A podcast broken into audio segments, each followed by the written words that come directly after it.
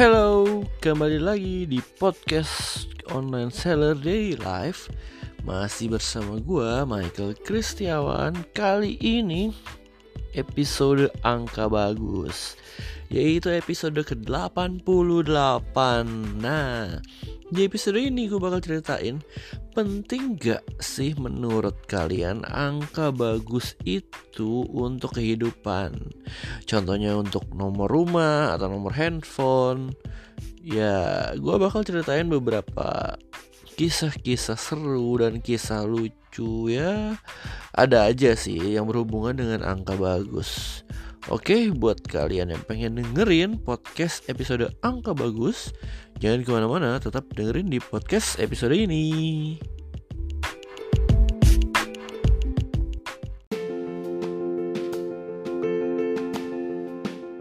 Oke, seberapa sering kalian sadar akan keberadaan angka-angka yang diinginkan atau angka-angka yang tidak diinginkan? Contohnya ketika kalian di apartemen lagi naik lift Kalian perhatiin nggak ada angka-angka yang hilang dari lift itu.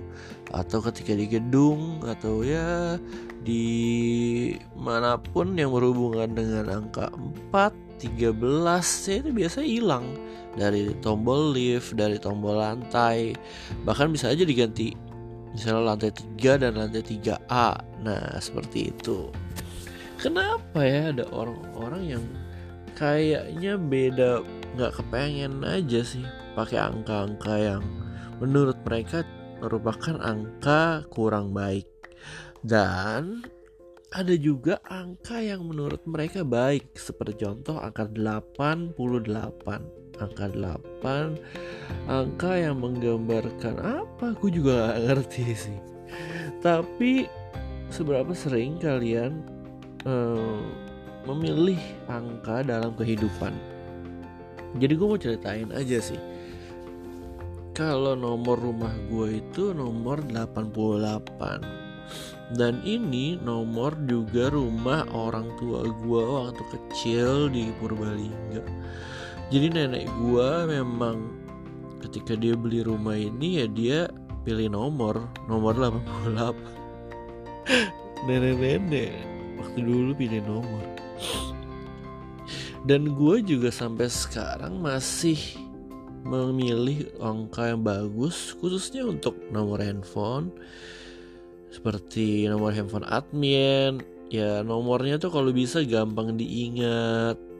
Jadi kan kalau misalnya ada customer yang pengen belanja terus dia mau nge-save nomor HP nah dia itu ini logika aja ya. Dia misalnya mencet angka 1 2 3 4 5 6 7 8 nah kayak gitu kan nah gue tuh e, kalau beli nomor handphone gue sekarang suka milih lewat aplikasi Tokopedia kan gue cari nomor yang harganya 50 ribuan itu biasanya banyak yang bagus-bagus Nah, sambil gue cari, sambil gue coba peragain mencet tuh di handphone.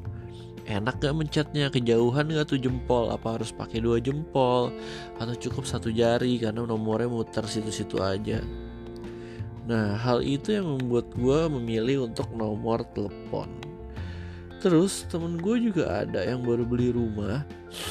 Dia disaranin rumahnya ya ada angka 8 ya di paling belakang. Misalnya nomor rumah dia nomor 12 nah, harus tambahin angka 8 di paling belakang gue juga ngerti kenapa tapi kalau nomor handphone logikanya ya supaya orang gampang milih nomor eh gampang mencet nomor ya. Gampang nge-save nomor dan gampang diingat.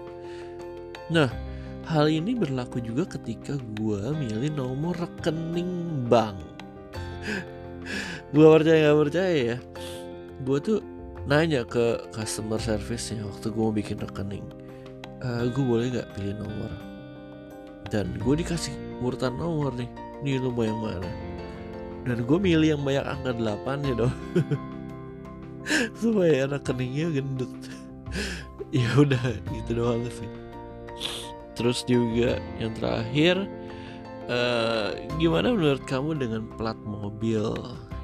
Apakah penting gak sih punya nomor mobil yang bagus yang gampang diingat yang dua angka tapi bayar pajaknya bisa sampai puluhan bahkan belasan juta per tahun? Atau ya nomor mobil sekedar ganjil genap aja biasa mau tahu nggak sekarang kalau mau mengubah mobil dari genap ke ganjil itu bayar 2 juta. Ngaco kan? Ya tapi ya hal itu yang terjadi. Kadang nomor itu bisa menjadi identitas seseorang. Nomor itu bisa jadi mindset kalau 8 itu angka hoki angka keberuntungan dan ya bisa aja.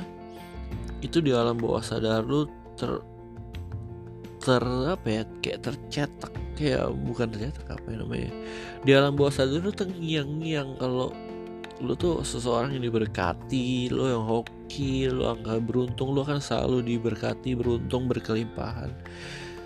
Ya dan itu secara nggak langsung akan mempengaruhi kehidupan lu. Karena lu bilang ya gue diberkati karena gue nomornya bagus misalnya gitu gue lahir di tanggal bagus gue lahir di hari bagus. Ya ya itu.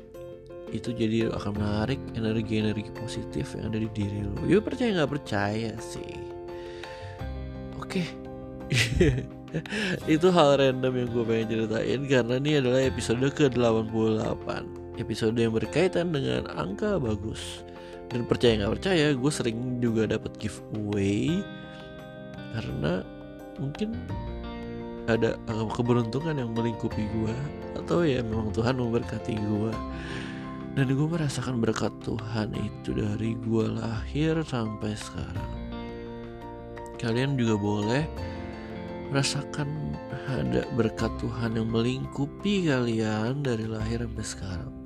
Bahkan ada kemarin ada yang bilang ya di Instagram status orang gitu ya dia cerita kalau dia nggak penting segala sesuatu sekarang nih karena dia udah pernah kena covid dan dia udah pernah merasakan susahnya nafas. Maka menurut dia berkat Tuhan yang dia syukurin hari demi hari adalah ketika dia bisa bangun pagi dan dia bisa nafas dengan biasa aja. Maksudnya dia, dia bisa nafas gitu karena dia udah pernah merasakan betapa susahnya dia narik nafas buat kalian yang belum merasakan susah narik nafas ya nggak pernah tahu karena kalian gampang banget setiap hari nafas tapi buat orang-orang yang pernah merasakan susah ya narik nafas terutama yang kena covid ya mereka akan sangat bersyukur ketika Tuhan memberikan mereka satu hari lagi untuk hidup. Dan itu yang membuat kita harus bersyukur sehari demi hari. Jadi, sampai jumpa di podcast episode berikutnya. Dan have a nice day guys. Bye-bye.